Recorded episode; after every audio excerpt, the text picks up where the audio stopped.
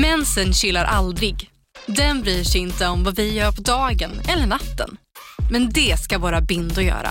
Prova Always Ultra dag och nattbindor. Våra dagbindor skyddar när du är aktiv medan våra nattbindor är längre och bredare för att skydda när du ligger ner. Det här klarar vi, dag och natt. Always. Hej! Nu är det sommarmeny på IKEA. Kom till restaurangen och njut av krispig rödspätta med remouladsås och kokt potatis och somrig jordgubbscheesecake till efterrätt för bara 109 kronor. Sommarmenyn serveras till 18 augusti i alla våra restauranger. Vi ses! På IKEA. Här! Och här! Och här inne.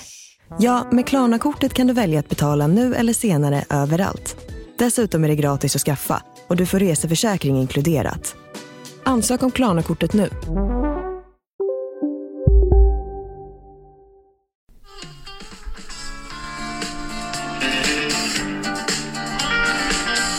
Det är Driver. Nu. Audi Cowboy. Jag tänker jag sätter stämningen. Vad, är- vänta lite här nu. nu. Nu sa du att du skulle dra igång en låt som hade med hembygden att göra. Ja, Vad fan, det har ingenting med det att göra. du? Nu. Eller? Är inte det Stäng lite... av den skiten direkt. Det är diskriminerande. Nej men jag tänker vi är på varför, landet. Varför jag bor på landet? Kör Nu- lastbil då? Det Ja. flyger ju förbi truckar utanför. Hela tiden. Ja, det gjorde det faktiskt. Ja det gjorde var- det. Nu, nu är vi på landet och Ja. då är det en långtradarsång som Mm. passar. Ja. Eller är jag, är jag för, fördomsfull nu? Ja, fruktansvärt. Oj då. Det är ju som att, det är som att säga att alla på landet ligger med sina kusiner. Men det är exakt vad det är. Ja, det sa du ja, det är lite så, men det är inte bara så. Det är det jag försökt säga. Ja. Ja, men idag är vi i Grimsås. Mm. Nio kilometer utanför Nittorp, ja där jag är uppvuxen. Vackra Nittorp. Och här i Grimsås är ju även min eh, pappa uppväxt. Jaha. Vänta nu här, är han uppväxt i Grimsås och sen så flyttade han till Nittorp? Ja, Men vänta, varför gjorde han det? Det är ju nio kilometer bort bara, det ser ju inte annorlunda ut, eller är ju inte annorlunda. nej jag tror det var, eh, morsan var ju från Ljungsarp. Så de möttes Så- halvvägs. De möttes halvvägs vet Och du. det blev ett det blev Nittorp. Ja, nu är det så är här. Nittorp. Vilket avsnitt är vi på? Vi är på avsnitt eh, 66 va?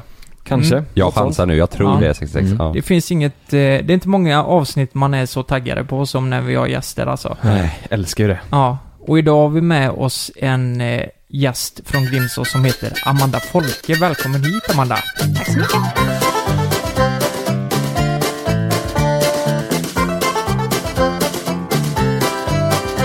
Känner du dig diskriminerad när vi drog igång eh, Truck Driving Song? Ja, jätte. Nej, det gjorde du inte. Det är ju Men gött. det går jättebra. Amanda, Amanda sa så här, hon skrek förut eh, Kolla ut genom fönstret nu här! Här kom pappa. Här kommer pappa. Och så kommer hennes pappa åkande med en stor fet truck Ja. mitt på gatan. Han har lunchrast nu så. Han har lunchrast. Så han är ute och sladdar med trucken. Ja, Ja, det är så det gött. brukar vara. Det är så gött. Men, men vänta, jag måste bara fråga en grej till. Eh, har ni affär här i Grimsås? Det Nej. Har, har vi inte längre? Den eh, fanns ju innan, men eh, den gick i konkurs. Men vänta, vänta, Mataffären. Vänta, det, Ja. där måste vi stanna. Har ni affär här i, alltså det är som att det, det, det, det har funnits en och du är osäker på om den finns kvar. Om den finns Ja, kvar. men precis. är det så du menar? Ja, ja. Ja. Jag Har ni vet, jag, affär? jag vet eh, att eh, jag handlade i en affär här förr, men... eh, den Men vad var det för affär? Kläder eller mat Liten eller? ICA nära. Ja, okej. Ja, Var den det? var väldigt liten. Det gick i konkurs. Ja. Ja. Vart, vart åker Det är ju du. Amanda? Åker du till Nittorp då eller? Och handlar? Mm. Nej, där finns ingen mataffär heller. Vi har en kiosk. Svenljunga. Nej, det är för långt. Då åker Limmared. vi till eh, Tranemo. Tranemo. Ja, just det. Tranemo. Det är närmast. Ja, om det är så att ni eh, mitt under podden inte eh, kan skilja Amanda och Lukas med dialekterna där så ja, det är så det kommer vara. Vi pratar inte så lika va? Nej, jag tror inte det. Nej. Jag tror inte vi har så mycket dialekt någon av oss längre. Ja men nu, nu, nu kommer folk. Alltså det, det är någon grej ni har härifrån, att ni vägrar inse att ni har dialekt. Ja, Lukas säger att han pratar rikssvenska. Ja, men, Vi ja, tycker nog det. Amanda, du pratar ju rätt eh, rent tycker jag, men eh, mina än är ju ganska hästiga så att säga. Ja, Mm. Eh, det är sexigt. ja, Det finns ju värre. Ja, ja det, det ju, skånska till exempel. Nej, min, men alltså värre utav oss. Danska Ja, till exempel. min mormor när hon har druckit några glas vin, då pratar hon så här. Ja, ja. Vad betyder det då? Det betyder ja. Jaha. Ja, nej. Nog om eh, dialekter. Det är någon som ska ha mer vin. Eh, Amanda, eh, kan du berätta lite kortfattat vem, vem du är? Absolut. Jag, ehm, ja, mitt namn är Amanda. Jag är eh, 24 år, kommer från Grimsås. Eh, Jag har bott här eh, fram tills jag var 18. Då flyttade jag till Jönköping och pluggade tre år. Mm. Eh, sen flyttade jag till Stockholm, bodde där i två år. Och sen så blev jag sjuk i cancer och valde att flytta hem till Grimsås till min mamma. För Mm. enkelhetens skull. Mm. Vilket år var det? Det var 2018. Så Ja. april 2018 Mm. flyttade jag hem. Eller maj 2018 var det. Och jag kan ju säga det att innan, innan vi går in mer detaljerat på eh, resan och allt du varit med om, så har Amanda en Instagram som heter Amandas cancer, där hon även skriver om allt som hon har varit med om. Mm. För det har blivit en hel del under de här åren Ja, precis. som har hänt. Både, Väldigt mycket information. både i sjukvården och personligt och, nej men på alla plan typ. Mm. Men det, kan, det är ändå inte så, alltså åren, det- det, vad sa du, april 2018? Ja, det är ett och ett halvt år. Ett och ett halvt år ja. Mm. Ja. Har det året, eller den tiden, har det liksom, har det gått fort eller långsamt eller liksom? Eh, det är lite olika perioder, Mm. känner jag. Mm. Eh, vissa perioder går otroligt långsamt, Ja. medan vissa går ganska fort. Ja. Till exempel de Mm. dagar jag mår bra så går ju tiden fort. Ja. Eh, de dagar jag inte mår så bra, då Ja. går det ju väldigt långsamt. Ja. Hur var det här i Grimsås när, när du växte upp? Var det, tri- trivdes du här? Var du, är du glad att du uppväxt här? Alltså det finns ju både verkligen för och nackdelar Mm. eh, med att bo i ett litet samhälle. Ehm, vi har ju till exempel bara fyra bussar per dag som går till Tranemo. Mm. Fyra om Eh, dagen. Mm. Fyra om dagen, ja. Alltså Som- missar du en buss, det är ju inte en kvart emellan där liksom, det är några timmar. Ja, Ja. precis. Eh, så ens föräldrar har ju alltid fått köra på en vart man än ska, i Mm. princip. Ja, det hade varit segt om det, om det var så att det var en kvart. Det går fyra bussar en kvart Ja. eller sen, ja, det var allt för idag. Tack, tack. Ja. Eh, nej, så, men fördel i alla fall, det är ju ganska lugnt. Det är ju lite så harmoniskt mysigt på sitt sätt, Mm. känner jag. Jag antar att du känner igen dig, Lukas? Mm. Ja, det där med bussarna i alla fall. Känner jag igen. Men sen såklart, man längtar ju alltid till något större. Ja. Det var ju alltid kul att komma till storstäderna och Mm. Mm. sådär. Men du gick i Tranemo högstadie och gymnasie? Ja. Vad, vad tror du dina kompisar, hur uppfattar de dig tror du? Eh, som tjej? Personlighet Ehm. eller så här. Är du sprallig eller är du... Jag är, ja, sprallig skulle jag nog säga att jag är. Jag har ganska mycket energi. Mm. Eh, svårt att få sitta still. Jag tycker liksom inte att det är så kul att bara Mm. vara lugn. Vilket som sagt också varit ett problem nu när jag varit sjuk, som vi kan komma in på sen. Mm.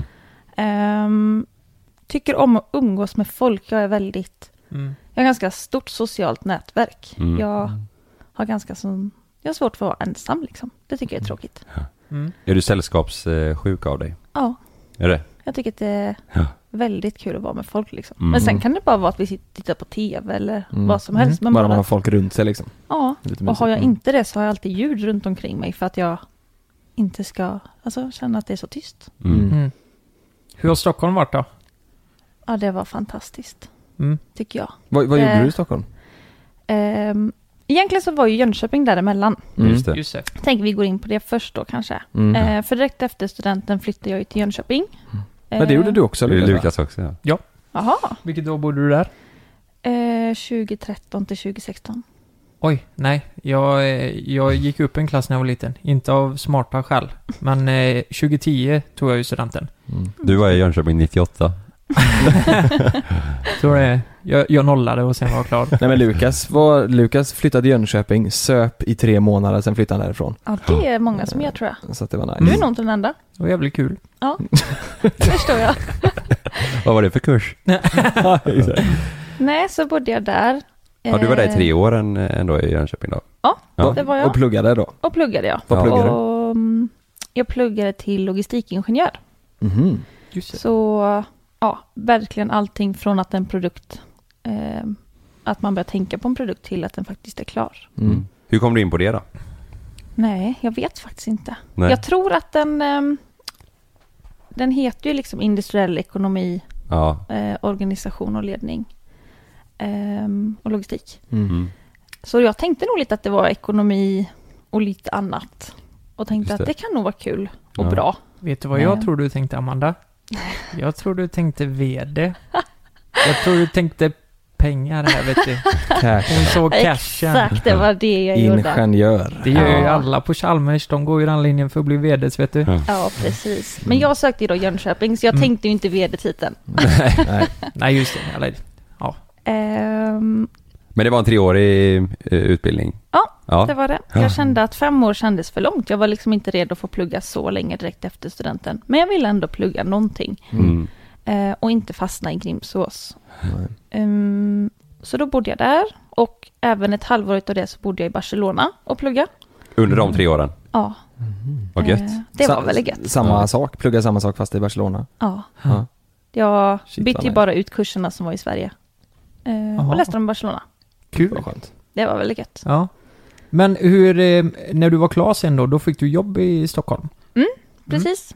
Ehm, funderade lite liksom vart jag ville bo. Så jag sökte jobb i både Jönköping, Göteborg och Stockholm. Mhm. Eh, hade bara varit i Stockholm två gånger i mitt liv innan. Mm. Eh, och kände att jag flyttar väl upp, testar, ser hur det funkar. Funkar det inte så flyttar jag väl tillbaka. Eh, men funkar det så Mm. blir det ju jättekul. Mm. Mm. Och jag trivdes faktiskt väldigt bra där uppe. Det var ganska många utav oss tjejer här, ehm, alltså från Jönköping, som flyttade upp dit. Mm. Mm. Så vi blev ett gäng till slut som Ja, vad kul. umgicks. Fan vad roligt. Mm. Och Ja, om, var kul. om jag har förstått det rätt så hela den här resan som du håller på att göra eh, började också i Stockholm. Precis. Vad var det, vad var det som hände egentligen? Hur har det allt gått till? Alltså allt började med att ehm, egentligen var det att jag var på Liseberg med mina tjejkompisar en oktoberdag 2017. Ingenting konstigt hände där egentligen. Eh, men någon vecka efter det så kände jag liksom att jag har sån smärta varje gång jag sitter ner. Mm. Och tänkte att ja, det kanske är att jag fick en smäll i någon berg och dalbana, att jag liksom så här, hoppade upp eller något. Det vet man ju inte. Ehm, så jag tänkte väl inte mer på det. Men så började liksom även så här trycka på som att jag, ja, det låter lite hemskt att säga kanske i podd, men som att jag alltid var bajsnödig. Ja, du hade ont över magen typ, eller vad, vart var det du kände? Nej, det kändes bara som att jag konstant behövde gå på toaletten. Ja, okej. Eh, och det var liksom typ nästan alltid falskt alarm. Ja. Så till slut så fick jag ju väldigt ont i ryggen också. Mm. Eh, så i december på mellandagarna faktiskt så åkte jag buss härifrån eh, Grimsås upp till Stockholm. Och då så kände jag när jag kom upp att jäklar vad ont jag har. Jag kommer inte kunna jobba imorgon så jag måste nog eh, Mm. söka till vårdcentralen för nu behöver jag verkligen hjälp. Mm. Eh, och det kändes ju också lite dumt att ringa till chefen och säga att ja, jag ska vara ledig i mellandagarna för att jag har ont. Det lät ju bara som en dum Mm. ursäkt egentligen. Men, men det här var liksom första... Nej men det var första känningarna och det var första gången du liksom sökte upp för det. Ja, då hade jag ju haft ont i tre månader varje dag. Men, eh, inte riktigt känt att jag orkade söka för att jag tänkte att det här går över. Alla har väl ont i ryggen någon gång? Ja. Det var ju min ja, ju spontana helt- tanke. Vad sa vårdcentralen då? För de, de drog väl inte in dig på röntgen det första de gjorde kanske? Eller? Nej, de Nej. gjorde ju inte det. Ehm, de trodde först liksom. att det var muskelinflammation. Mm. Så jag fick med mig ett par tabletter hem Mm. och testade. Eh, vilket inte funkar. Och de här tabletterna är tydligen jättekända för att ge magkatarr. Mhm. Så det blev ju att jag fick magkatarr utav de här tabletterna istället. Plus då den vanliga smärtan. Mm. Vad är Ja. magkatarr? Vad, vad är det som händer då? Eh, man får som liksom ett tryck vid eh, magsäcken kan man säga. Som Ja. även går som sura uppstötningar upp till halsen. Okej. Mm. Ja, då fick du det av dem Ja, det istället. fick jag det istället ja. ja. Eh, men då påminde min chef att vi har ju liksom privatsjukvård via jobbet. Sök på något sätt där om du kan få någon hjälp via sjukgymnast eller något. Tänkte jag det kan jag göra. Så jag gick till sjukgymnast några gånger. Eh, gjorde akupunktur och fick göra massa övningar och Var det svårt för dig att förklara för din chef liksom? Eh, Alltså så här, jag har, eh, jag har ont men jag vet inte vad det är. Eh, Eller liksom hur, hur reagerar din hon, chef? Hon är faktiskt, eh, hon har varit väldigt förstående i allt detta Ja, redan från början Mm. och verkligen haft lite så här mammakänslor kring detta. Gud vilken bra Eh, chef. Ja, verkligen. Mm. Vi har väldigt bra kontakt även nu. Mm. Mm, Men- så, En fråga bara. N- när du, har- hur ont hade du liksom? Eh, skulle du beskriva det? Var det... Jag, jag vet inte vad jag ska ta vägen ont eller var det så ändå så att du kunde... Men kunde man sova med den här smärtan? alltså där under mellandagarna så var det ju verkligen, jag vet inte vart jag ska ta vägen. Men Ja. sen så lugnade det sig lite ändå ett tag. Ja. Det kändes som att om jag satt upp under flera timmar på samma sätt, det var då det liksom eh, blev värre. Under några dagar och sen så blev det lite lugnare men jag hade ju fortfarande ont så att jag inte kunde sitta Ja. knappt. Mm. Jag var alltid tvungen att liksom sitta ståtligt på ett sätt. Eh, För säckade jag ihop mig, det var väl då som det kändes att det liksom gjorde ont. Just Mm. det. Yes. Och ehm, du blev skickad vidare eh, via företaget sa du va? Till en sjukgymnast. Ja. Vad hände där? Ehm, jo, vi gjorde ju då akupunktur och eh, lite övningar. Han sa till mig att det här kan du prova hemma.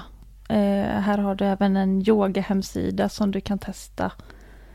Ehm, Det var ju liksom ingen som på något sätt antydde att det kunde vara något annat än kontorsproblem. Mm. Nej. Tänkte du också det? Eller tänkte du nej, nej, nej, det här är något värre? Just i den jag stunden? trodde nog inte att det var något värre. Nej. Eh, samtidigt som jag kände att det är ingen som förstår hur ont jag har. Nej. Eh, för de snackar ju väldigt mycket om kanske mer eh, ryggont längre upp i ryggen. Medan jag sa att nej men det är verkligen vid svanskotan, det är långt ner. Mm. Jag känner ju verkligen det, det är någonting som trycker där. Ja. Ehm, så efter de här fem gångerna så sa ju den här sjukgymnasten till mig att nej men du får gå till en specialiserad sjukgymnast för jag kan inte hjälpa dig. Mm. Eh, och det kan även så, eller vara så att du, du är bara stressad. Det kanske är därför. Mhm. Och då börjar jag ju också tvivla på mig själv att har jag sånt som jag tror att jag har. Mm. Ehm, och, ehm, och det sa jag även då till min chef att de hade sagt. Ja. Och sa samtidigt att jag fattar inte riktigt vad jag ska göra åt saken. För jag är ju väldigt aktiv som person. Jag hittar på Mm. mycket saker och jag kan förstå tanken av att man kan tro att jag är stressad. Men jag känner inte det egentligen själv. Mm. Och det var ganska svårt att ta in sig då att jo men du är Men- stressad. Men att den stressen skulle leda till att du har så ont så du inte ens kan sova liksom. Ja, Ja. Eller vad, jag, jag fattar inte sambandet där, hur man kan dra den slutsatsen. Eller Nej. kan, kan eh, stress leda till sån smärta? Jag men då- stress kan leda till ganska mycket jobbiga grejer. Ja, det, jag. jo, absolut, det vet Det- jag men... eh, Det, det, det finns säkert vissa fall där det Ja. har gått till... Ja, okej. De hade, de, en sjukgymnast tänker vi inte i, i de värsta banorna. Nej. Som att det ska vara Nej, cancer liksom. nej. Mm. Nej, eh, precis. Tänker jag mig. Men gick du till en specialist? Mm. Eller? Ja. Då gick jag till en kvinna som också typ så här, eh, ja man kände lite och tänkte att eh, ja du kanske behöver hjälp med det här. Och det här är tydligen vanligt när man har fött barn. Och jag bara, ja men jag har ju inte fött barn. Nej. Ja. Så det kan ju inte vara en anledning i mitt fall i alla fall. Eh, och så skulle jag också göra lite övningar från henne. Och så komma tillbaka en gång, eller en veckan efter. Eh, och den veckan efter så ligger jag också hemma. På grund av att jag har så himla ont. Mm. Eh, och då har jag även börjat få ont i magen. Och då är vi inne i mars Ja. eh, 2018. Och då har det gått eh, fyra månader, helt enkelt, sen smärtan kom. Eh, ja, vad blir det? Oktober, november, december? Ja, oktober, ja det är Fem. mer ja. Ja, nästan ett halvår. Oj, Men under hela den här perioden så hade du, du hade så pass ont så att du inte kunde jobba eller? Eh, nej, jag jobbade ju ändå. För Ja, jag kände det? att jag kan inte inte jobba. Nej. För folk Nej. sa ju till mig att det här är ingen smärta som är något. Nej, precis. Och då kände jag mig dum att ska jag Ja, inte gå till nej. jobbet för en smärta som inte är något? Ja, alltså det blev fattar. så här eh, dubbla signaler. Ja. Mm. Så jag typ tvingade mig själv till att jobba fast jag hade Mm. ont. Och jag gjorde det ju säkert ja. ändå helt okej. men jag var ju inte fullt fokuserad. Nej. Jag förstår verkligen det att man börjar tvivla på sig själv i och med att, ja men, man vill ju inte vara mesig, eller Nej. förstår du? Man vill inte vara Mm. hemma om man inte har en riktigt bra anledning. Nej. Och så slut, nej men det här löser sig säkert, jag Ja. fixar det liksom. Och så Mm. går man och eh, gråter på jobbet. Eh, för att man, ja, det måste vara ett jäkligt tufft alltså. Ja, just det där att som sagt ingen riktigt tog mig på allvar. Nej, precis. Men sen då den veckan jag låg hemma igen i mars. Eh, för att jag kände att den här veckan går inte. Alltså det är totalt Mm. värdelöst. Det är, gör så ont. Mm. Ehm, då hade jag faktiskt eh, ehm, lite tur nog en kompis uppe den veckan som skulle vara uppe och plugga. Eh, som hjälpte mig att laga mat och Mm. handla mat och allt det där så att jag ändå alltså fick i mig någonting för jag tror inte jag hade orkat det ens liksom. Mm. Det var på den nivån den veckan. Mm. Mm. Och då fick jag komma tillbaka till samma läkare på vårdcentralen. Eh, och han sa liksom bara att ja men du får komma tillbaka om tre veckor och ge blodprov. Mhm. Och jag bara, jag kan inte vänta tre veckor. Alltså jag faller ju samman snart. Alltså jag Ja. ljuger ju liksom inte. Mm. Eh, för jag satt ju och grät, ja, även då första besöket hos honom Mm. och andra besöket. Och då säger de kom tillbaka om tre veckor. Ja, För för, att ta blodprov. att ta blodprov ja. Ja, herregud. Eh, och då hade jag ju även jättemycket problem med magen och jag var konstant kissnödig. Jag bara, jag måste ju kissa typ varannan timme. Så det trycker ju på Mm. hur mycket som helst. Det känns som att jag inte tömmer blåsan på ett sätt. Mm. Så då alltså blev jag verkligen så himla ledsen på grund av han också. Att han, han verkligen tryckte ner mina Ja. känslor och tankar kring det här. Mm. Mm. Så när jag kom hem gick jag in på 1177 och läste i journalen vad han hade skrivit om mig. För det kan man ju göra om man vill. Ja. Ehm, och då läser jag att han skriver att mitt tillstånd var bra och opåverkat. Mm. Och där har jag suttit och gråtit i typ en halvtimme för Nej, honom. men, Nej, det är... men skojar Eh. du? Så det knäckte Ja. mig ganska rejält. Och då skulle jag även tillbaka till den här specialist eh, sjukgymnasten samma eftermiddag. Mm. Och när hon bara frågar mig, hur mår du Amanda? Och så brister det ju för mig igen. För jag Mm. känner att jag orkar liksom inte ens prata om det här mer. Mm. Eh, Det är så jobbigt och tungt. Och då är hon så fin att hon skickar iväg mig, eller hon ringer någon hon känner rättare sagt. Mm. Eh, någon, eh, ja vad kan han ha varit? Ortoped kanske? Någonting i alla En fall bekant med ryggen. till, eh, till henne då? Ja, Aha. som eh, då skulle kunna hjälpa mig med röntgen. Mm. Mm. Eh, så hon ringer till han och eh, lyckas lösa ändå en tid typ samma vecka. Mm. Eh, privat kan man ju säga. Det var Mm. också. Det var inte Mm. längre via vårdcentralen Nej, för det nej. gav jag ju upp Mm. efter att ha träffat honom två gånger. Ehm, och samtidigt då så ringer jag även till eh, Sofiahemmet som också är privat eh, i Stockholm och ber om hjälp för magen. Det var ju också det som var så jobbigt för jag var tvungen att söka för både ryggen och för magen på två Mm. olika sätt. Mhm. Och jag visste inte vad ska jag prioritera, vilket är viktigast just nu. Ska Ja, jag det. försöka lösa ryggproblemet eller ska jag lösa magproblemet? Men var det att du hade ont i magen eller var det fortfarande samma problem? Att du kände att du behövde gå på toa hela tiden? Ja, det var samma. Det Ja. började väl typ i början på mars. Och då herregud. höll jag ju på med det i typ tre Mm. veckor också. Eh, så jag får komma till den här ortopeden, tror jag att han var. Eh, hinner inte komma in förrän han säger liksom så här, ja men du kan sätta dig på stolen. Och jag bryter ihop och bara, jag kan inte ens sätta mig på stolen för jag har fått sitta i väntrummet i en halvtimme. Mm. Eh, och kan inte sitta mer. Det går inte, så då fick jag lägga mig på britsen. Mm. Och berätta kanske bara i en minut kort vad jag behöver hjälp med. Och han säger bara, ja men vi bokar en röntgen nästa vecka. Mm. Och det var så skönt att någon äntligen Ja. tog Mm. mig på allvar. Mm. Mm. Det var så himla skönt. Ja men i, i, i min värld är det... Om du har haft den smärtan så länge så är det ganska oförståeligt att de inte... Hur fan kan de inte gjort det tidigare? ja, men jag Man sitter och lipar framför eh, Ja. doktorn liksom och Ja. då är det ju något som inte stämmer. Mm. Det behöver ju hända något direkt då liksom. Mm. precis. Tänker jag. Exakt, för grejen är att jag kan förstå ifall man får in en patient kanske som har varit på vårdcentral jätteofta som är lite så här Ja. hypokondriker. Mm. Ja. Men Ja. man kan inte hitta så mycket om mig från tidigare år för jag har Nej. inte varit sjuk. Nej, exakt. Eh, Så då kanske man inte heller ska inte tro på någon som Mm. helt Nej. plötsligt säger att den har så himla ont. Hur var de två veckorna, eh, eller nästa vecka sa du, skulle du få en röntgen. Hur Mm. mådde du innan röntgen då? Nej, grejen är den att jag hann ju aldrig göra den. För innan den röntgen så hade jag även tid på eh, Sofiahemmet för att kolla magen. Mm. Och den läkaren var också helt fantastisk verkligen. Han eh, sa också direkt att vi gör en gastroskopi. Eh, vilket innebär en slang genom munnen för Mm. att se liksom så här, ja en kamera genom munnen för att se Mm. hur det ser Mm. ut i magsäcken och sådär. Med en gång då eller? Eh, nej, det skulle jag också få en remiss för ganska snabbt. okej, ja. Mm. Eh, och även då ett ultraljud på magen för att se hur det lät och hur det Mm. såg ut liksom. Just det. Ehm, och även dagen efter fick jag en tid hos gynekolog. Mm. Eh, vilket jag själv tyckte kändes meningslöst för att jag visste att jag inte var gravid liksom.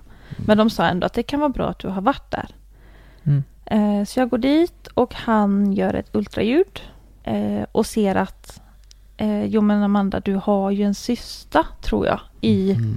underlivet som ser ut som en stor knytnäve. Men jag hade ju aldrig hört talas om cysta. Så jag blir ju liksom ledsen redan där och bara men gud vad är det för något? Ja. Och han bara nej men du behöver inte vara orolig.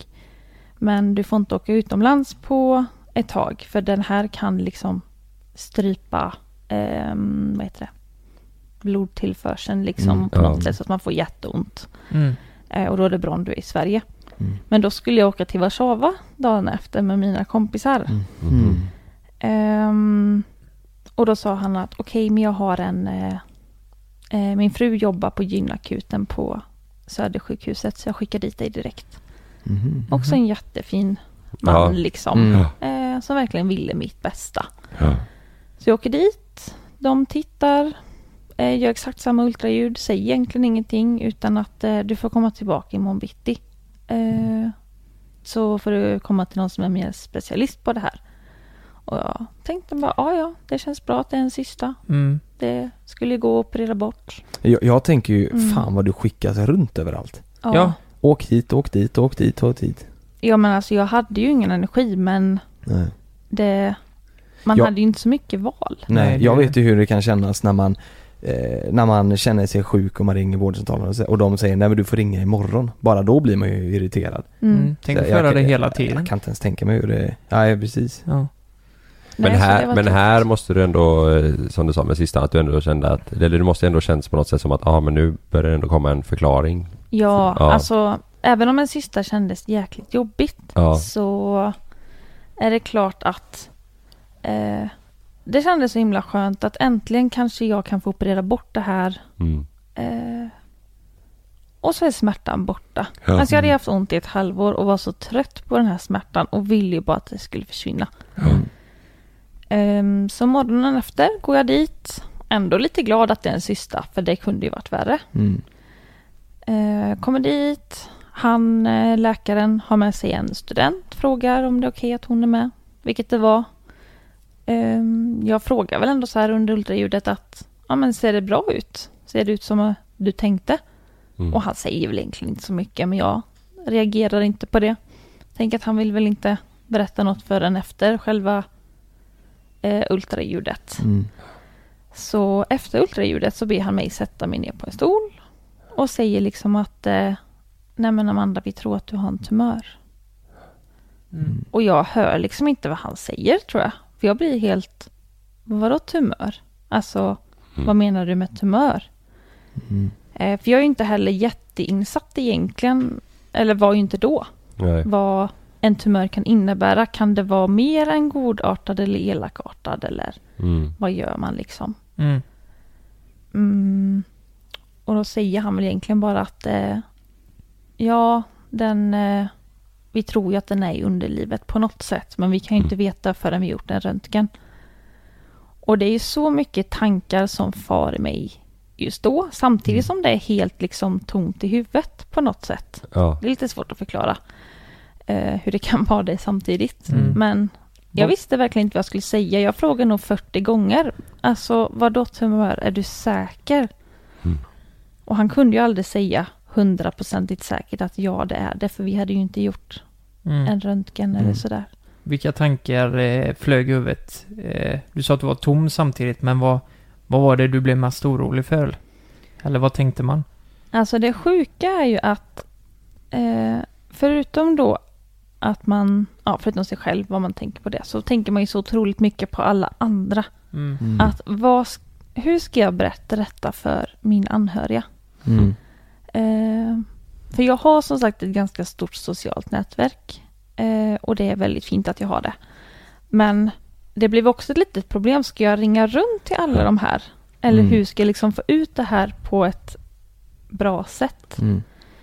Så jag skickade faktiskt lite i panik ett sms liksom till eh, min familj. Liksom så här grupp-sms. Att eh, nej, det var ingen cysta, det är en tumör.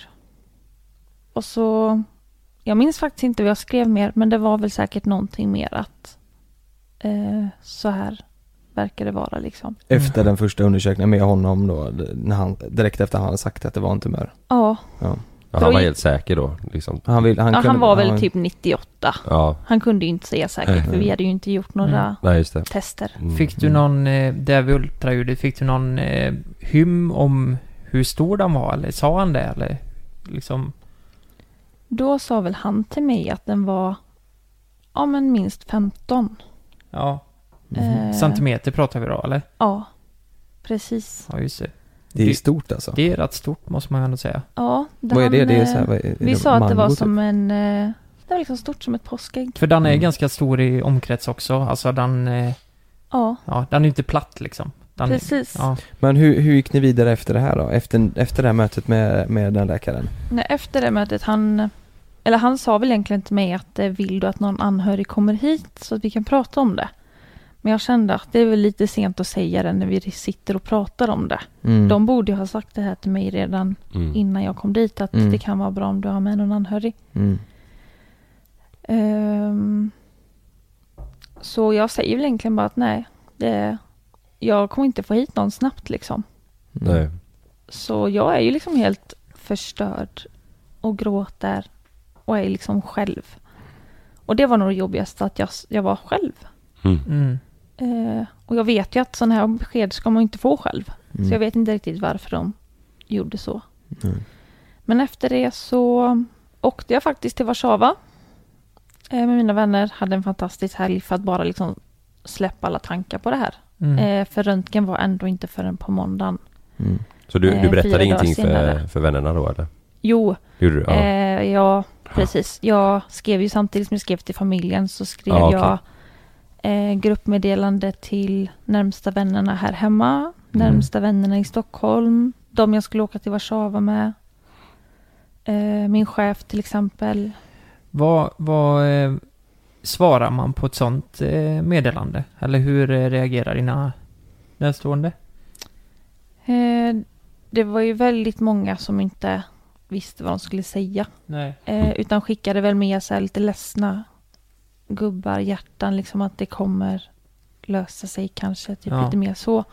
Mm. Eh, och jag har ju frågat i efterhand, liksom, för jag, det här har ju gnagt i mig i ett helt, ja men typ ett och ett halvt år, att var det Mm. rätt av mig att skicka sms eller är det ganska egoistiskt?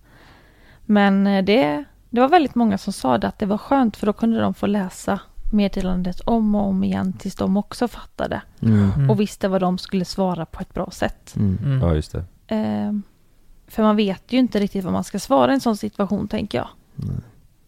Nej, verkligen inte. Mm. Nej. Man, om man, nej, man vill ju inte sä- säga något fel där. Mm. Man vill ju inte så här, det kommer bli bättre vill man ju egentligen inte skriva för man har ju själv ingen aning. Nej. Ehm, och jag tror även det här att eh, alla tänker nog tanken att kommer jag dö?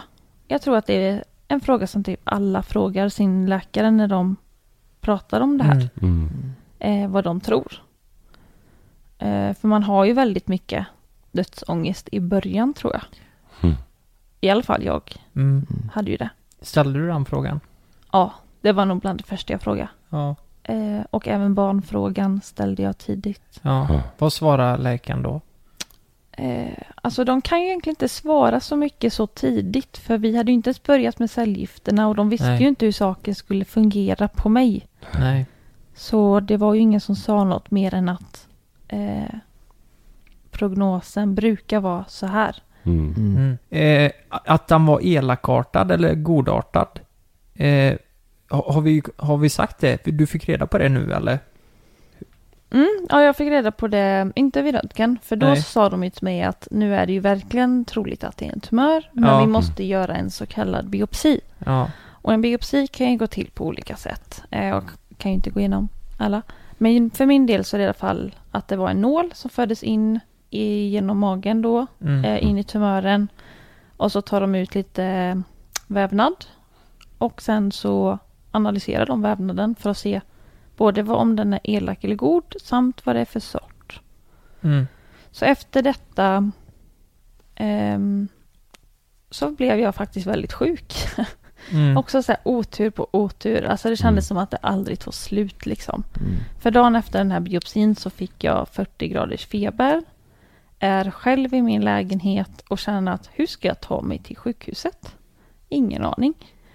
Ehm, kunde ju hoppat in i en taxi, men jag, vet, jag kände att jag klarar nog inte ens av det.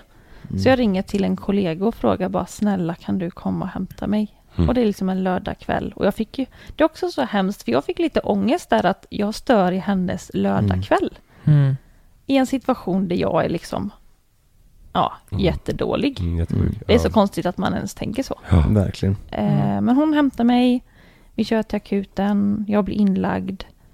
Ehm, och sen så är jag där i tre veckor. Oj. Eh, för att jag har infektion liksom. I, i vad det med tumören att göra eller? Ja, Mm. precis. Tumören störde väl Mm. väldigt mycket. Alltså jag som sagt har ju aldrig varit sjuk i hela mitt liv. Ehm, och tänkte så här att, ja men alltså feber, det har man i tre, fyra dagar. Mm. Jag kommer nog hem snart. Ehm, men det gjorde jag verkligen inte. Ehm, för då märkte jag att den här febern tar ju aldrig slut. Ehm, vi tar massa antibiotika. Ehm, jag får reda då på att det är en eh, elakartad eh, tumör Mm. och även vad det är för sort. Eh, och nu har även mina föräldrar börjat komma upp till Stockholm. Mm. Eh, för jag har väl tidigare sagt att nej, men ni behöver inte komma upp förrän det blir liksom allvar. Mm. Eh, typ som att jag skulle börja med cellgifter eller sådär. Eh, för jag tyckte inte att de behövde vara där uppe om jag ändå går till jobbet. För jag försökte verkligen jobba så mycket som möjligt. För att jag Mm. Inte Mm. ville tänka på det heller. Eh, så då sitter jag och mamma och eh, kirurgen pratar om eh, min tumörsort. Vi pratar lite hur han tror att det kommer gå till allting framöver. Mm. Med cellgifter, operation och sådär. Och sen eh, frågar ju jag även väldigt mycket om som sagt familjefrågan. Att, eh, hur funkar det just med ägg och sånt? Kommer de förstöras med cellgifterna? Mm. Och då säger han till mig att nej men vi kan ta ut äggvävnad i ditt fall. Eh, om jag skulle vilja det. Mm. jag. Mm. Och även opererade in en så kallad eh, portakat. Och det är som en nål som sitter vid eh, eh, ja, men ovanför bröst, bröstet liksom. Mm. Som det är där jag får alla cellgifter och tar blodprover och sånt. Mhm. Men- Han sa att de inte behöver stoppa in en nål varje gång så, utan då, den, sitter den här nu menar du? Nej? Ja, Den, eh, den är liksom inopererad så varje gång jag åker in till sjukhuset så stoppar de in en nål i den här I okej. eh, porten liksom. Och den går till hjärtat eller? Ja, Ja. precis. Va, gör de det för att slippa göra det om- gång på gång på gång på gång igen varje gång? Utan den sitter där så att det ska bli lättare för dem att göra det? Ja. Ja. Och även för mig, för blodkärlen blir som sagt ganska sköra Ja. efter att man sticker Mm. ganska mycket i dem. Mm. Vad hände efter detta?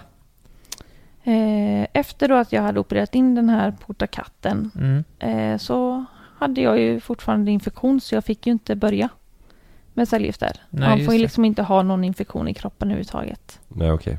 Ehm, så vi väntade en och en halv vecka till. Tills en läkare kommer in till mig och säger att eh, Amanda, nu ska du få göra ett val. Antingen så um, startar vi cellgifterna och då finns det en risk att du hamnar på intensivvårdsavdelningen eh, för att du kan bli riktigt dålig eftersom du har en pågående infektion. Eller så väntar vi men då finns det också en risk att eh, vi måste akutoperera dig för tumören är ju så stor att den kommer snart täppa till ändtarmen. Vilket, vilket val eh, tog ni då? Eller vilket, vilket alternativ? Nej, jag kände att eh, jag eh, ligger nog hellre på intensivvårdsavdelningen Mm. eh, och att vi börjar eh, än att vi gör den här akuta operationen. För den Mm. lät ju inte så himla rolig Nej. den heller liksom. Så på måndagen den 23 april 2018 startade vi. Mm. Mm. Ehm, och det är också lite så här konstig känsla, för den dagen jag var ju supernervös, både för att jag då skulle hamna på intensivvårdsavdelningen. Det var ju inte eh, någonting som jag direkt ville. Men jag var ju också livrädd för cellgifterna, hur det skulle påverka mig. Skulle det kännas? Skulle... ehm, Jag var ju liksom rädd att när cellgifterna åkte in i kroppen, att det liksom skulle kännas som att det gjorde ont på något sätt. Att det liksom var som en ja, men Mm. blixt genom hela kroppen på något sätt. Mm. Men när vi väl startade så kände jag ju ingenting. Nej. Det, Hur, hur, Ja. hur tar man cellgifter? Hur får man det? det är väldigt olika beroende på vad man har för tumörsort. Mm. Men i just mitt fall i alla fall så får jag cellgifter. ehm, eh, jag har liksom som ett program som pågår under fyra fem dagar. Och då får jag cellgifter under några timmar och resterande timmar får jag dropp. Och sen dagen efter så börjar man om. Eh, och då så, i mitt fall som sagt så hade vi fyra olika cellgiftspåsar. Så då eh, åkte det in i droppform liksom. Det hängde i påsar på en sån här droppställning som eh, då åkte in i den här portakatten. Mm. Mm. Men det är dropp man får det på i alla fall. Ja, man kan få det på tablettform också. Okej. Eh, men jag vet inte riktigt. Leukemipatienter vet jag får det. Mm. Jag läste det att eh, på din Instagram, de som kom och gav droppen, de hade sådana eh, rymddräkter på sig typ. Ja, precis. För att, Om det är någon som har sett Tjernobyl, den eh, serien, just det. Mm. eh, så har de ju verkligen sådana här plastrockar och de har ju Mm. plasthandskar och de har ju skydd för munnen och Mm. allt för att de inte ska få en enda droppe på sig. Men hur tusan känns det att se när de kommer in med Det är säkert att flyga, men ibland händer det som inte får hända.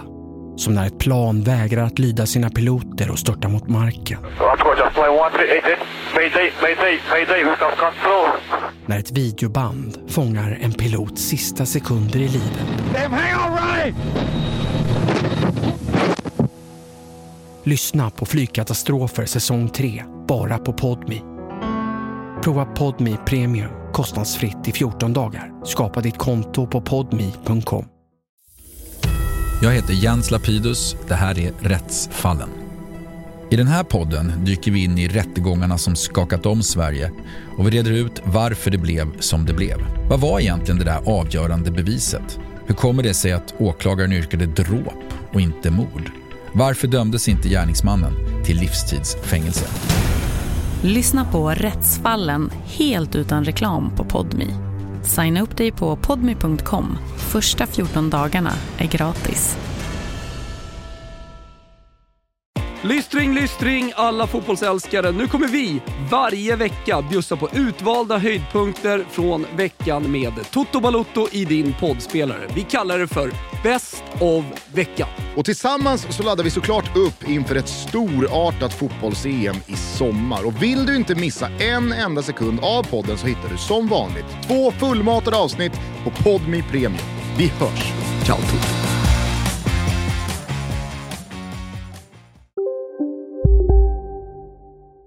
Detta. Man ser ju verkligen, ja, det är ju väldigt dramatiskt liksom. Det känns ju ganska sjukt för de är ju som sagt rädda för en droppe. Ja. Och jag får in mig liksom flera påsar utav detta. Mm. Och varenda sekund som jag fick då första kuren så tänkte jag ju, kanske inte sekund men minut liksom så här till och från.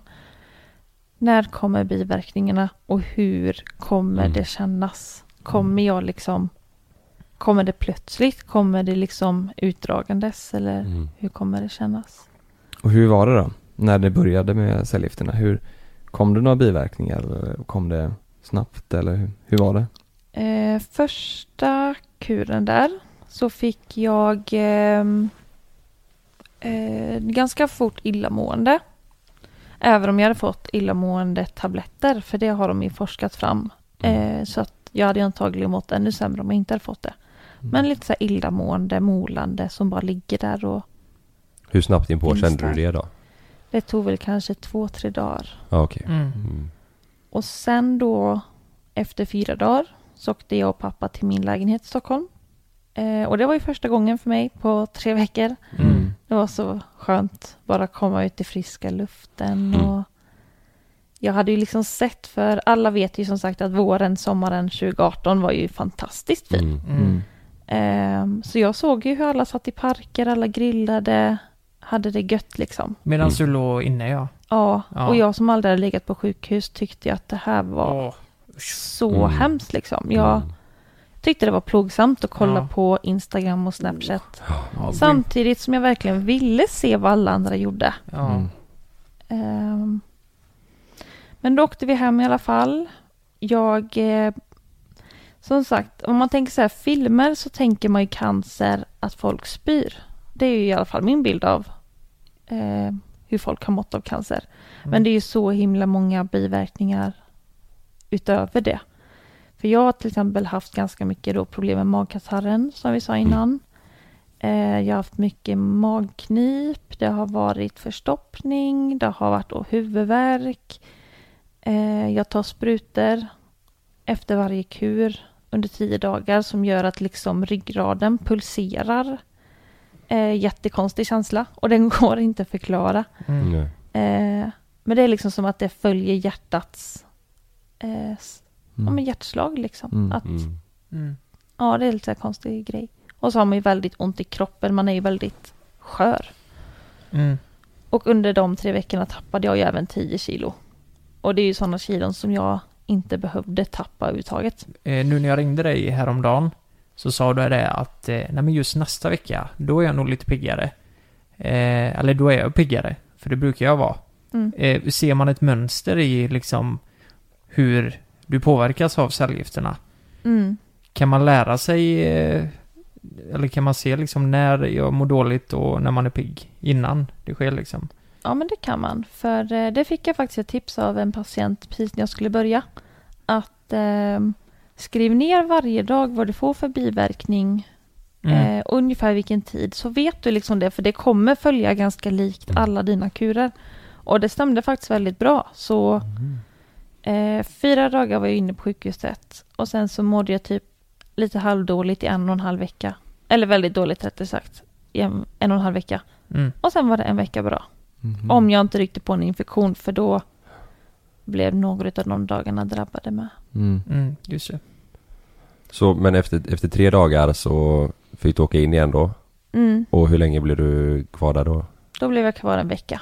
En vecka var det? Ja. Och jag var ju så trött på att vara inne på sjukhuset. ja. Jag, man vill ju liksom bara få vara hemma lite. Men var du själv där då eller? Eh, Eh. nej, då var pappa med. Pappa var med? Pappa eller mamma, de Ja. eh, pendlade upp De varannan om? vecka ja. var det liksom. Mm. Och då bestämde jag mig för att nej, alltså det här kommer jag inte klara av att bo själv. Nej. Eh, jag kommer behöva någon stöttning från mamma eller pappa här hemma. Mm. Så då valde jag att ehm, efter kur två så skulle jag flytta till Grimsås. Mm. Och det gjorde vi också. Jag vaknade liksom en morgon och drar igenom håret, liksom, handen i håret. Och eh, ser liksom hur det är en klump med hår i min hand. Mm. Och jag visste ju att det här skulle hända för de hade ju sagt det till mig. Ja. Eh, men eh, ändå så blev jag ju så chockad och ledsen. Mm. Och så var det en Mm. sjuksköterska jämte mig. Och jag fick panik för jag ville inte säga det till henne för jag jag ville liksom bara vara själv kände jag. Så jag hoppades bara på att hon skulle gå därifrån snabbt. Mm. Eh, så så fort hon gick därifrån så gick jag in till duschen. Eh, försökte verkligen så här, dra bort allt jag kunde. Och jag, alltså det var ju så mycket hår Mm. som bara Mm. lossnade på en natt. Det Mm. var Mm. helt sjukt. Nej, vad hände sen? Jag fortsatte ju med cellgiften under sommaren. Eh, jag plågades av värmen. Eh, otroliga problem med så här värmevallningar, liksom. Också en bieffekt. Eh, så medan alla andra njöt, var på goa semestrar och badade och sådär. Då låg jag liksom inne i soffan. Och liksom klarade inte... Ja, det är också en sån sak i sig. Ljud och ljus. Det kan Mm. vara ganska jobbigt. Mm. Mm. Ehm, men kunde ändå hitta på vissa saker. Mm. Jag var till exempel på Ed Sheeran, den konserten. Mm. Ja, just det. Den var bra. Ja, det var jag också. Ja, den var bra. Det var riktigt bra.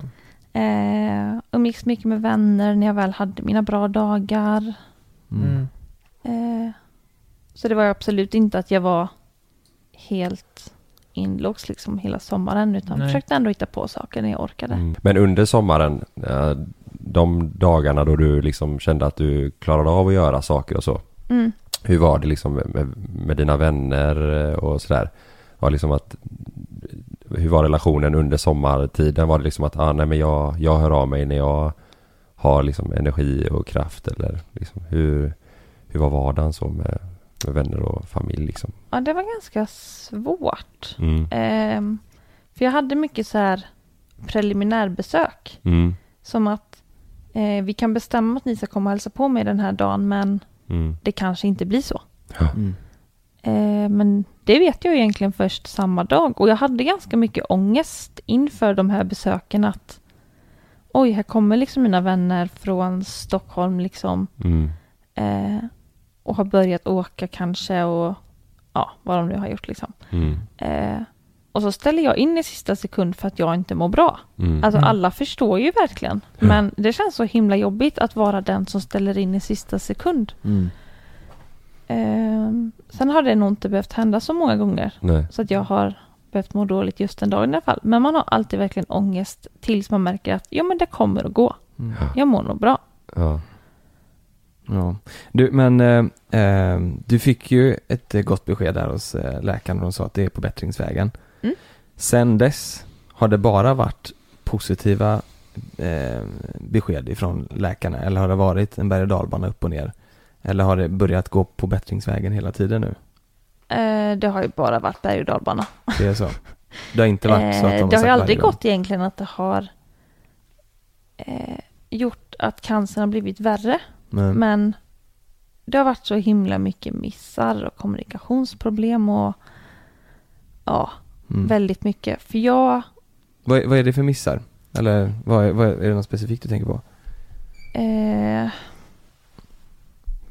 ja men till exempel att de har ehm, allting liksom i journalen.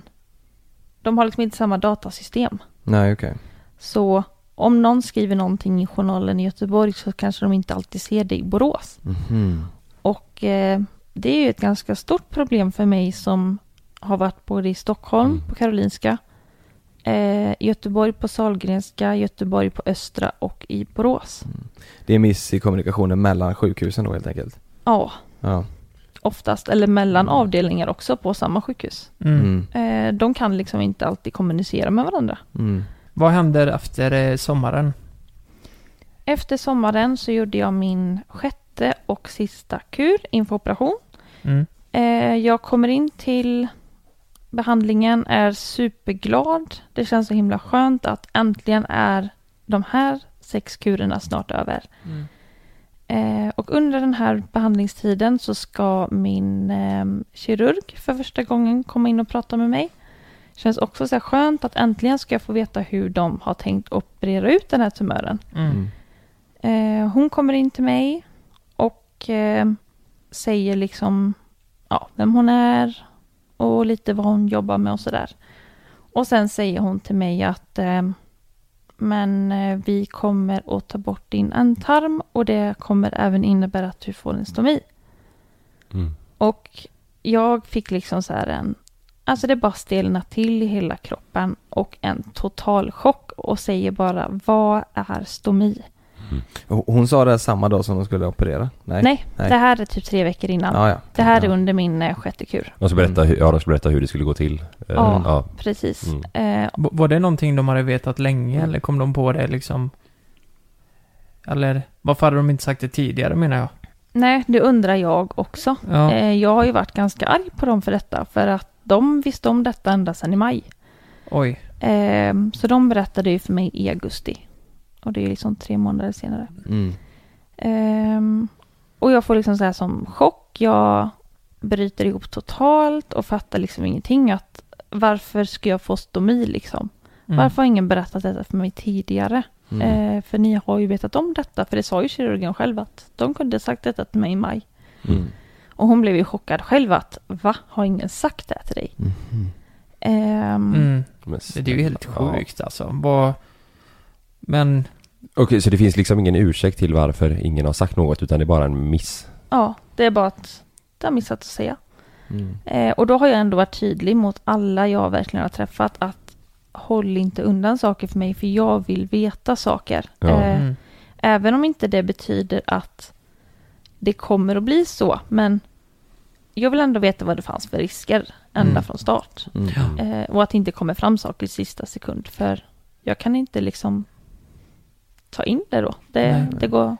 Hur, Det är för hur, snabbt. hur är det med stomi? Ehm, det är ju att en bit av tarmen sticker ut på magen och så har man en påse helt enkelt. Mm.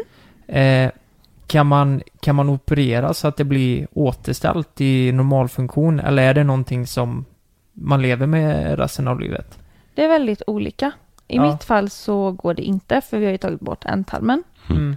Men vissa till exempel som har eh, tarmsjukdomar kan ju ta bort en del av bara tjocktarmen till exempel. Ehm, eller till exempel vid graviditet så kan ju Mm. väldigt mycket förstöras. Ehm, Och att man behöver stomi för ett tag bara för att det ska hinna läka. Mm. Eh, och då kan man ju liksom ta tillbaka tarmen igen Mm. liksom. Så inte nog med att du fick reda på att du skulle ha stomi så var det resten av eh, livet också. Ja. Och jag fick ju liksom den här paniken att jag fattade ju inte hur det såg ut. Mm. Jag tänkte ju så här, jag fick ju en tanke i huvudet att det här är ju en påse som syns alltså jättetydligt. Mm. Den är stor, den är klumpig, den känns och Mm. den är jobbig att byta och jag fick ju så mycket tankar och det kändes bara verkligen piss Mm. Mm. för mig. Och så var det ju inte klart där, utan hon säger samtidigt att eh, vi planerar även att ta bort svanskotan och tre ryggkotor till. Ehm, vilket kommer innebära att du eh, kanske är lite osmidig, lite, Mm. ja, kanske har lite problem att sitta i början, men det kommer bli bra. Var det svanskotan och de tre kotorna längst ner då typ eller hur? Ja, Mm. precis. Mm. Ehm, Och det i de kan, det kan de bara ta bort sådär liksom. Eh, jag tänker på all eh, kommunikation går väl via ryggraden liksom. Ja, precis. Så till exempel, ehm, det är ju väldigt mycket nerver, väldigt Ja. mycket Mm. signaler som går ut till olika organ i de här kotorna. Så hade jag inte haft stomin så hade jag antagligen inte känt när jag behövde gå på toa. Mm. Eh, jag eh, kan fortfarande idag inte känna när jag är kissnödig. Så Mm. jag går på tider, Mm. till exempel. Ehm, risken finns att jag kissar ner mig, men det har ju inte hänt än i alla fall. Mm. Så jag får väl bara hoppas att det inte händer. Mm. Mm. Har du larm då eller hur, hur fungerar det med tider liksom? Nej, alltså jag... Mm. Eh, det beror ju också såklart på hur mycket jag dricker. Dricker jag supermycket så Ja. måste jag ju gå på toa oftare, precis som Mm. en vanlig person gör. Ehm, men typ när jag vaknar Mm. Och sen så försöker jag... Ja, de har sagt till mig att var fjärde timme är liksom ganska normalt. Mm. Nej, det är ju liksom inte klart där riktigt heller. Nej. För sen så var det ju då även att de ville ta bort urinblåsan och min livmoder. Mm. Eh, Ja, var ju planen. Alla dessa beskeden kom alltså på samma gång? Ja, det var samma dag. Samma Mm. dag? Precis. Och det var inför operationen som var tre veckor senare. Hur kände du inför livmodern och sådär? Eftersom det var viktigt för dig? Det var väldigt tufft. Mm. Ehm, samtidigt som jag på något sätt hade tänkt tanken att jag kanske aldrig kan få egna barn. Eh, om inte typ äggen funkar eller hur det nu kan vara. Att jag kanske ändå behöver tänka andra alternativ. Mm. Ehm, men det var väldigt tufft och även då urinblåsan att det skulle innebära dubbla stomier. Eh, både en för avföring och en för urin. Mm. Ehm, Mm. Och sen då så, ja detta beskedet fick jag också när jag var själv. Mhm. En timme senare så kommer min onkolog in, vilket allt- alltså är min cancerläkare. Mm. Eh, och säger att eh, nej, men vi får nog eh, vänta med operationen för det ser ut som att cancern har spridit sig. Så det var liksom så här, från att jag hade haft typ den bästa dagen på hur länge som helst Mm. till att Mm. allting bara raserades i Allt kom princip. på en gång. Så då fick jag ju vänta på det beskedet igen, att vad som händer och operationen blev ju lite pausad. Ehm, och sen så fick jag svar att de hittade ingenting. Efter Så hur lång det- tid? Det tog väl en vecka kanske. Okej, Mm. ja. Och det var ju jätteskönt. Ja. Vad skönt. Eh, för då visste jag ju att då blir operationen av. Mm. Samtidigt som jag då behövde börja tänka igen att men vad tycker jag egentligen om den här operationen? Eh, alltså jag var ju livrädd för operationen för all smärta som det skulle innebära. Mm. Eh, hur känns det liksom att bli av med sandskotan och hur känns det att ha stomi? Mm. Ehm, Men efter den här operationen med svanskotan och stomin skulle all, den, hela den stora tumören vara borta då? Eller Ja. fun- ja, då, då tar de bort allt. För grejen är ju den med... När jag skulle opereras så var ju tumören cirka 4 centimeter i diameter. Så den hade ju minskat väldigt mycket. Mm. Och då behövde man ta bort allting som tumören låg bredvid. Mm. Och på röntgen då så då såg det ju ut såklart då som att eh, det var nära alla de här organen som de då ville ta bort. Mm. Mm. Ehm, Och det är för att minska risken för att det ska sprida sig då? ja. Ja. Eller för att det ska komma tillbaka. Ja, eller okej. vad man Mm. säger. Mm. Mm. Och sen hur gick eh, operationen sen då? Var det Ehm. tre veckor efter senare? Så det var? Ja, nu är vi i... Två dagar innan va? Ja, precis. Mm. Mm. Så 6 september Mm. 2018 så opererades jag. Och det var en omfattande operation Mm. Eh, som tog 8-9 timmar. I Göteborg. Ja. Och eh, när jag väl vaknade upp sen den eftermiddagen så jag trodde liksom att jag, jag kan inte vara klar för jag har så jäkla ont. Jag får sån panikkänsla att ni måste söva ner mig. Det är ju någonting Mm. som inte är klart. Mm. Mm. Eh, och de säger så här bara, nej men alltså vi, du är klar. Det, det är upp, uppvaket liksom. Och jag får sån panik att jag har ju sån smärta så jag, Mm. Mm. jag vet liksom faktiskt inte vad jag skulle ta vägen. Mm. Det, det går verkligen inte att förklara för jag, Var, var, nej det går inte att förklara, du hade bara ont i hela... alltså Kroppen. absolut mest vid rumpan liksom. Ja. Mm. ja. Det var ju den och magen som jag kände att det, Ja, herregud. det gör så ont så det finns liksom ingen, Men när du vaknar upp där och hade så ont, då har de alltså tagit bort tumören, eh, tagit bort den svanskotan och några till har fått stomipåsen. Allt är klart. ja då fick jag bort allt det. Mm. Eh, för då kommer ju sen eh, kirurgen och berättar att eh, det gick jättebra liksom. Mm. Det har gått verkligen bättre än vad vi trodde. Mm. Eh, för de behövde inte ta livmodern och de behövde inte ta urinblåsan. Mm. Så det fick jag ha kvar. Mm. Mm. Och då blev jag ju skitglad. Ja, det blev så. Mm. Ja. Samtidigt så är det så sjukt att jag blir så glad över det samtidigt som Mm. de har plockat bort allt det andra. Mm. Ja. Nej men vad hände sen? Kommer det något ljus nu liksom som är avgörande för framtiden?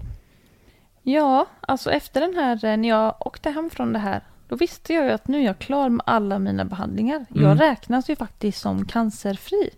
Mm. Ja, det är så därefter. Eh, och då så började ju allt det här att hur ska jag komma tillbaka till livet på något sätt? Mm. Jag visste ju att jag behövde rehabba upp allt det här med rörligheten vid svanskotan, Mm. eh, styrka, kondition. Alltså det var så mycket som jag liksom behövde alltså fixa innan jag kunde börja jobba. Mm. Eh, psykiskt också liksom. Eh, så då var jag tvungen att först fråga Försäkringskassan att hur länge får jag liksom vara sjukskriven Ja. efter, ett, mm, efter något sånt här. Mm. För min läkare sa ju till mig att alltså Amanda, du behöver ju ett halvår. Ja. Det, alltså en vanlig behandling kanske hade krävt två månader. Ja. Mm. Men just vid en stamcellstransplantation så behöver man liksom mer tid. Eh, för att hjärnan specifikt då påverkas väldigt mycket. Och Ja. även kroppen. Så um, Försäkringskassan godkände det. Det var liksom inget konstigt. Mm. Läkarintyget var så pass eh, tydligt. Sex månader då. Ja, till att börja med liksom Ja. och se. Ja. Mm. Men är, det är, är inte det typ nu? Jo, det är Jo. väl typ nu. Ja. Ja. Planen var ju att jag skulle börja då jobba Ja. första september. Ja. Så då i april, jag försökte ju liksom röra mig ganska mycket så, ja, så mycket som det gick Mm. egentligen. Mm. Ja. Ut och gå Eh, eller vad, ja. hur rör man sig? Ja, precis. Ja. Ut och gå promenader liksom. Mm. Mm. Och så försökte jag ju äta upp mig igen. Mm. Eh, lägga på mig lite kilon liksom. Mm. Försöka acceptera situationen som det var. Mm. Mm. Ehm, samtidigt som jag såklart var väldigt orolig för återfall. Och det tror jag alla är. Mm. Eh, till en början i alla fall. Går man och pratar med någon liksom? Eh, eller hur, hur hanterar man liksom? För, alltså bortsett från det här med att liksom röra på sig och äta upp, alltså liksom som du sa, tillbaka Mm. med kilorna, eh, psy- psykiskt liksom. Alltså jag har ju pratat med en eh, kurator under hela min sjukdomstid. Ja. Eh, så det är ingenting som jag började egentligen med då. Utan jag har ju faktiskt pratat med henne kontinuerligt om väldigt mycket. Det har ju Mm. varit... Till en början var det ju mycket bara det här vad för papper ska jag skicka in till Försäkringskassan och Ja. Mm. allt möjligt. Och sen så kom vi in mer på de här djupare sakerna som Ja. känslor och sånt. Mm. Det är ju inte alltid, jag pratar mycket med vänner och familj. Mm. Men det är inte alltid man vill säga sina mörkaste tankar till dem. För man vill inte besvära andra Nej. med så djupa saker som kanske är väldigt tungt att få Mm. höra. Mm. Typ som det här att man har tänkt på döden liksom. Ja. Det är ingenting som jag vill prata med kanske vänner och familj Nej. om jätteofta. Nej. Nej. Eh, även om det händer liksom. Ja. Och det är inte så konstigt heller för det är ju en eh, sjukdom där man faktiskt kan dö Mm. liksom. Mm. Mm. Ha, har du någon gång under, eh, under tiden sen du blev eh, sjuk tänkt att jag kommer inte klara det här? Eh, det var väl under eh, Du sa det under de min tio först- dagarna där också. Ja, precis. Det var ju en gång. Mm. Och så även kanske i början när jag väl blev sjuk att Mm. jäklar den är så stor. Mm. Ehm, det kommer inte gå att ta bort den här tumören. Mm. Så det är väl de två gångerna som jag har tänkt det liksom. Mm. Har läkarna sagt eh, någon gång det motsatta att nej men du kan vara lugn eller har de någon gång höll med dig och sagt nej men det, ja, det kan bli svårt där? Har läkarna någon gång sagt? Nej, de har aldrig sagt att det kommer vara svårt. Nej. De har liksom De har alltid sagt varit att positiva. eh, ja, Mm. det kommer liksom, prognosen ser bra ut. Mm. Mm. Har de ju typ alltid sagt. Mm. Eh, och sen vågar de väl inte säga för mycket antar jag. Såklart. Eh, de vill väl inte på något sätt säga att det kommer gå bra och sen gör det inte det. Nej, precis. Nej. Eller tvärtom att det kommer gå dåligt och så går det bra istället. Nej, precis. Nej, så är det ju. Hur ser det ut för dig nu? Tar du några, alltså åker du in en gång i månaden, halvåret och tar någon sån här gifter eller eh, hur, hur ser det ut nu för dig? Eh, nej, där i maj så började jag ju känna igen att jag fick eh, ont i höften. Mhm. Och då så sa jag såklart det till min eh, både kirurg och till min onkolog, cancerläkaren. Att eh, nu känner jag av den här smärtan igen. Mm. Mm. Ehm, vad gör vi liksom? Och de sa att nej men vi gör en eh, CT-röntgen. Och den är ju en röntgen som inte... Man ser inte så mycket på en CT-röntgen. Mm. Så de såg ingenting på den. Ehm, och så fortsatte jag väl egentligen ha ont. De sa att det är väl säkert en muskelinflammation. Känns De sa det då också alltså? Det känns som att de alltid drar den. Men den är ju sinnessjuk att dra då, alltså så här, Efter det du har gått igenom fan, liksom. Ja, det är jättekonstigt. Ja. Ja, men jag har ju också varit så arg över väldigt många situationer liksom för att de, det känns som att man hade kunnat Ja. göra annorlunda. Men de sa det mu- muskelinflammation Mm. och, och, och sen eh, tog ni det vidare eller var det? Eh, nej, jag gjorde den röntgen i början på juni. Mm. Och sen så var planen att jag skulle göra en magnetröntgen i början på juli.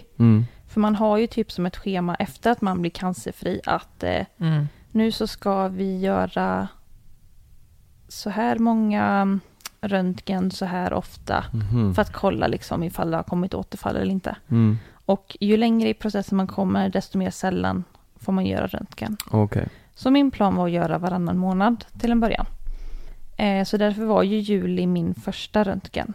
För jag gjorde en röntgen i slutet på april och den visade ingenting då. Mm. Mm.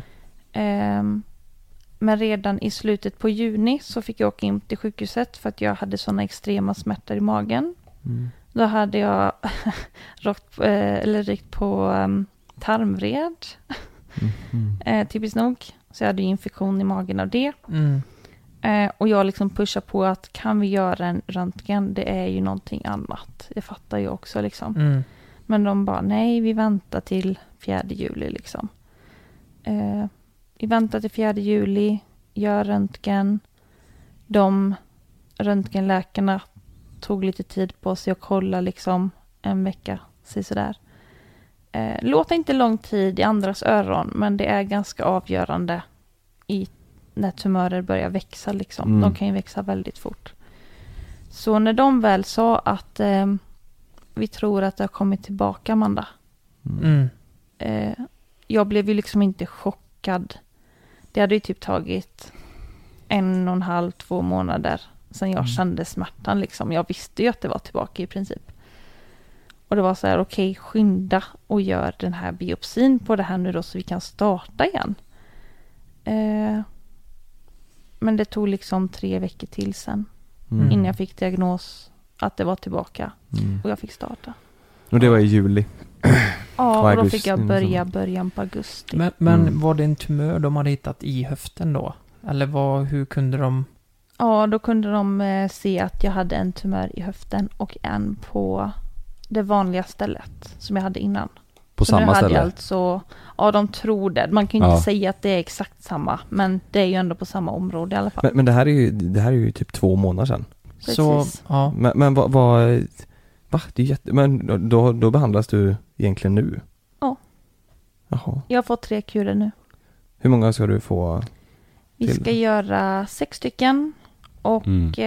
eh, sen utvärderar man att eh, Mm. måste vi göra något annat. Det blir Eh. samma grej igen liksom, som, ja, Ja. som du Kanske inte operation och sen allt Nej. det andra, men eh, man Men- får liksom Mm. se efter de sex kurerna vad, hur det ser ut. Mm. Så nu kör jag ju andra cellgifter än vad jag gjorde första gången. ja, okej. För antagligen funkade ju inte de cellgifterna till 100%. Nej. Även Nej. om det minskade så tog det ju inte bort.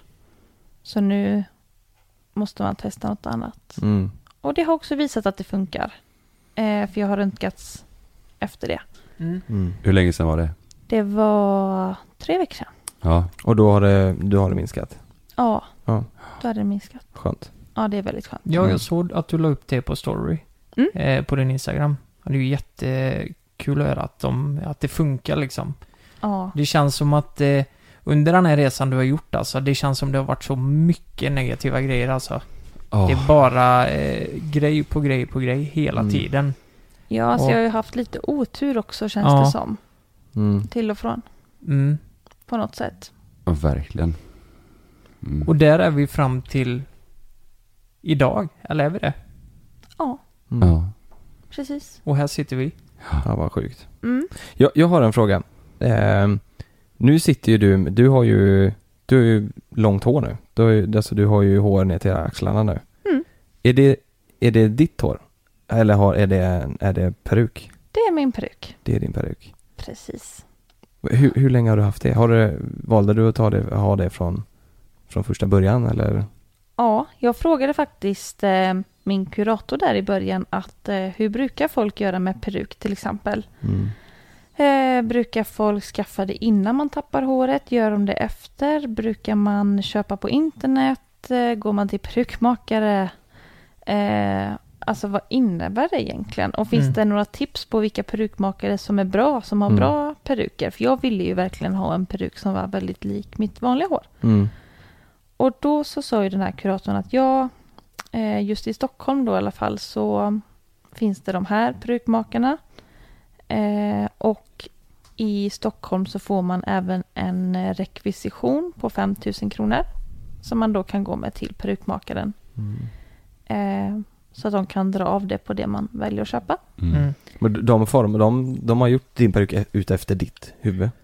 Eh, eller eller nej, finns det färdiga liksom? det som- finns färdiga. Så Ah, jag okej, gick ju till den här perukmakaren.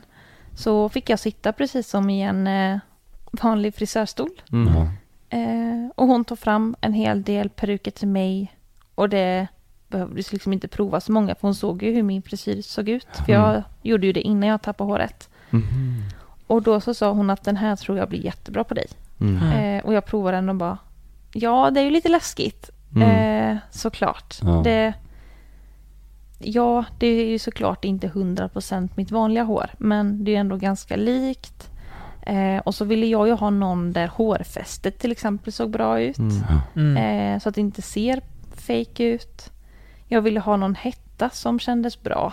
Eh, Det finns ju ingen tror jag som om man gått på stan och mött det som tänkte att det är en peruk. Det ser inte ut som en peruk som våra peruker vi har på oss direkt. Det där ser ju verkligen ut som, Ja. det ser ju verkligen ut som en riktig Det är lite prisskillnad också va? Ja, Ja, precis. mm. För det var ju det som var sån chockad för mig. Eller chockad, en sån chock Mm. För mig. Liksom att eh, jag frågade ju bara, men vad kostar den här peruken? Och tänkte ju att såklart att den skulle vara dyr, men fattar ju inte hur dyr. Nej. Så när hon säger liksom så här 16 000 till mig. Mm. Ja. Och Herregud. jag bara, jag förstår att folk inte har råd. Ja. Eh, men kanske verkligen. äkta peruker. Men Fast det 16 000. kostar, det kostar din också Lukas va? Den du kör med. Ja, Den svarta, jag tror han kostar typ 16 spänn. Alltså. 16 kronor kanske. Ungefär. Jag har en fråga. Eh, under den här resan som du har gjort, är det någonting du verkligen, verkligen ångrar att du inte gjorde? Eh, om du kan gå tillbaka liksom. Eller att du gjorde, kanske också. Eller ångrar att du gjorde. Alltså det är så hemskt för jag tycker ju ändå, nu kan jag ju acceptera att jag sökte faktiskt väldigt mycket Mm. hjälp. Men jag har också haft tid eller perioder där jag verkligen har klandrat mig själv för att varför var jag inte mer på?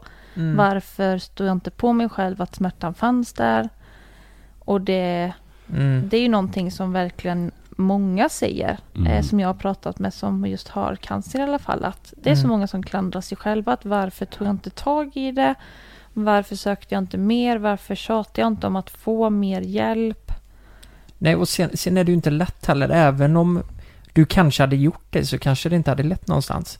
Nej. Jag menar, det är ju inte säkert de tar det på fullaste allvar. Även om man trycker på liksom. Men det gjorde, ja, och det gjorde de inte för dig i början. Nej, Nej. precis. Finns Nej. det någonting som du, eh, som du skulle vilja säga till eh, kanske någon som lyssnar som eh, också precis har fått reda på att de har fått eh, cancer? Ja, alltså det är väl just det att man ska inte klandra sig själv. Eh, man ska ändå låta det ta lite tid att eh, eh, smälta det liksom. Att Mm. eh, ta liksom hjälp från andra. Det finns så många som vill hjälpa till. Om du inte orkar gå och handla, ja men be någon gå och handla åt dig. Mm. Eh, det är liksom inte någonting som folk tycker är jobbigt. Nej. Ehm, tror jag inte i alla fall. Inte om man tänker på min eh, umgängeskrets och sådär. Nej. Mm. Nej. Vad finns det mer man kan säga? Att... ehm, ja, men sagt, det finns väldigt mycket Instagramkonton till exempel. Så man kan Mm. läsa om andra historier. Man är aldrig ensam i det här. Det finns alltid folk man kan prata med på något sätt. Mm. Antingen om Mm. det är då via Instagram som Ung Cancer eller Cancerfonden eller medlemsberättelser av något slag. Mm. Allting som man känner är liksom en okej känsla. Mm. Det är ingenting som är fel. Mm. Om du tänker att du mår jättedåligt, ja men berätta det för någon. Det är liksom ingenting som är konstigt. Nej. Så det är väl lite sådana saker kanske. Mm. Mm. Ja, jättebra. Vi, måste, vi får inte glömma heller också att eh, vi har ju startat en insamling. Precis. Eh, Och den här insamlingen riktas ju mot eh, perioden efter mer. När man ska rehabbas, eh, bearbeta det psykiska och det fysiska. Ja, du vet ju mm, lite bättre än oss om det här, Mm. Amanda. Mm. Eh, är, är det bara efter eller är det också, kan det vara under tiden man eh, behandlas? Vet du det? Alltså man kan ju få åka på de här eh, rehabresorna till exempel till Mm. Mösseberg och det finns nere i Skåne på ett ställe. Det finns något nära Stockholm. Jag kommer inte ihåg vad de heter. Frötuna kanske. Ja. Och eh, på de här resorna så kan man få samtala med folk. Man kan få hjälp med träning och stöttning i att eh, hur kan man träna? Alltså verkligen så här utmanas att Mm. det här ska vi testa på. Mm.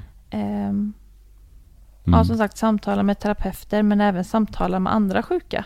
Mm. Och ehm, jag ser ju hela tiden att Cancerrehabfonden skriver på Instagram att de har problem med att eh, ge folk platser till detta för att det finns ingen, inga pengar till det här. Ja. Och det är ju någonting som är så viktigt tycker jag för just när jag själv blev cancerfri där i april Ja. så kände jag att eh, det kändes lite som att sjukhuset bara ville släppa mig där och då. Mm. Eh, man fick inte så mycket stöttning i att eh, vad som hände efter. Nej. För jag pratade lite med kuratorn på sjukhuset som att hur länge får jag prata med dig? Och det var som att nej men du måste snart byta till en annan. Och Mm. bara det kändes ju också väldigt jobbigt för hon Mm. visste ju allt om mig. Mm. Och helt plötsligt ska jag börja prata med någon annan och Mm. jag, jag Mm. tror faktiskt att jag hade struntat i det då. Mm. Ehm, och då så kanske man får lite stöttning i det bara av att gå på den här då Mm. cancerfondsresan. Mm. Eh, och även just det här att våga utmana sig till att träna upp sin kropp igen. Mm. Jag tror att det är Ja. väldigt många som blir lite rädda för att vad vågar jag göra efter operationer och cellgifter och Mm. allt som har påverkat den på något sätt. Men Ja. det, det är med andra ord ett sätt att lättare komma på benen igen efter en sån här eh, sjukdom liksom. Mm. Kan man Mm. ju säga. Så det är, ju- det är ju din idé Amanda. Men vi eh, vill vara med och hjälpa till. Vi hakar Ja. på. Vi hakar Ja. på. Eh, så det är JLC och Amanda för Cancerrehabfonden. På Mm. Better Now heter sidan. Mm. Eh, Betternow.org kan man gå in .org, på. Ja precis. Sök upp våran där och så kan ni donera. Ja, Eh, hur mycket ni vill. Och det är en Mm. insamling som pågår fram till den sista oktober. mm. Mm. Mm. Så gå in där Mm. och donera Gör det. för en viktig sak. Det är väldigt bra. Det känner vi är Mm. superviktigt. Vet du vad Amanda? Det... Ja, fasen vad jag ser upp till dig. Du Ja. verkar vara en så stark eh, person och att du har tagit igenom allt detta, det är helt fantastiskt alltså. Mm. Ja, Mm. det är verkligen. Ja, det är, man har ju knappt... eh, Nej, man har inte riktigt ord eh, för det. Det är, det är jäkligt eh, mäktigt. Mm. Det är, man tänker ju själv att det finns inte så jättemånga stora problem längre liksom. Nej. Alltså för, för, för efter det du har berättat Nej. så är det så här, vad, vem är jag att klaga över att det är kö hem nu liksom? Alltså fattar du vad jag Nej, menar? Det finns precis. inte så mycket att klaga över Nej. efter det du har berättat. Jag tror att man accepterar, eller accepterar, man, eh, man typ eh, struntar lite i de här smågnappen. Mm. Mm. Det är inte, det är inte så viktigt längre liksom. Man får att- perspektiv lite på Ja. vad som Mm. är viktigt på riktigt. Ja men din resa eller berättelse visar ju hur stark eh, du är, Mm. herregud. Mm. Och det är också så svårt för det är så många som frågar att eh, hur man orkar. Ja. Och det är så svårt för jag kan ju inte göra något annat an, än att orka. Nej. Nej. Nej, Eh, för jag kan ju inte heller bara ge upp Nej. på Nej, något sätt. nej precis. Nej. Men ni som har lyssnat, eh, ett stort tips det är ju att gå in på eh, Amandas cancer på Instagram. Mm. För du lägger ju fortfarande upp uppdateringar om hur det kommer gå nu Ja. efter. Och du har ju inte ens kommit fram till idag där, så man får ju eh, uppdateringar om Mm. hela resan. Mm. Mm. Så gå in och följ henne där. In och följ och glöm inte att eh, vara med och bidra till våran insamling. Den kan ni hitta på eh, våran Instagram. Eh, antingen min, Jonas eller Lukas Mm. eh, och eh, Amanda lägger Mm. upp den också. Säger jag nu.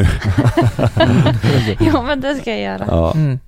Tack så jättemycket Du börjar Amanda. lova ut. Ja, tack själv. I just want to be cool kommer även lägga upp på deras Instagram. Exakt. Zlatan kommer Zlatan kommer säkert fixa det. Nej men alla som vill dela, eh, hjälp gärna till. Mm. Ja, Och gör det. jättegärna. Mm. Ja, då blir vi glada. Ja. Tack så jättemycket för idag. Tack. Ja, tack Och tack själva. för att vi fick komma hem till dig också. Ja, Ja. det var Käka fint så. chokladbollar och Tack och paj. Tack och paj, ja. Ja, det var trevligt. ja, det var gott. Okej då, tack för idag. Tack för idag. tack. Puss på er. Puss Hej då. hej. Hej då.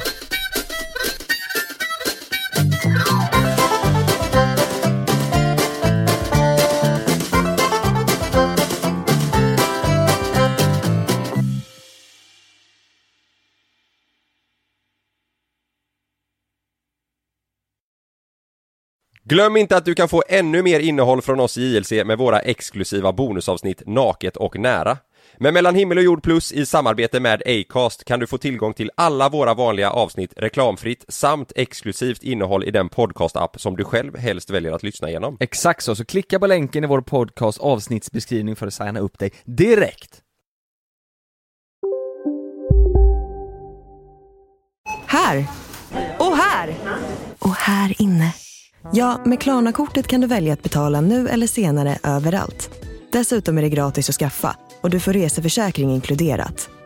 Ansök om Klarna-kortet nu. När Sandra öppnade sitt paket från Amazon började hennes hjärta slå snabbare. Vattentätelse-D-skärm och pulsmätning. Den här aktivitetsklockan var första plats i Sandras hjärta för sin kvalitet och sitt pris. Fem stjärnor från Sandra.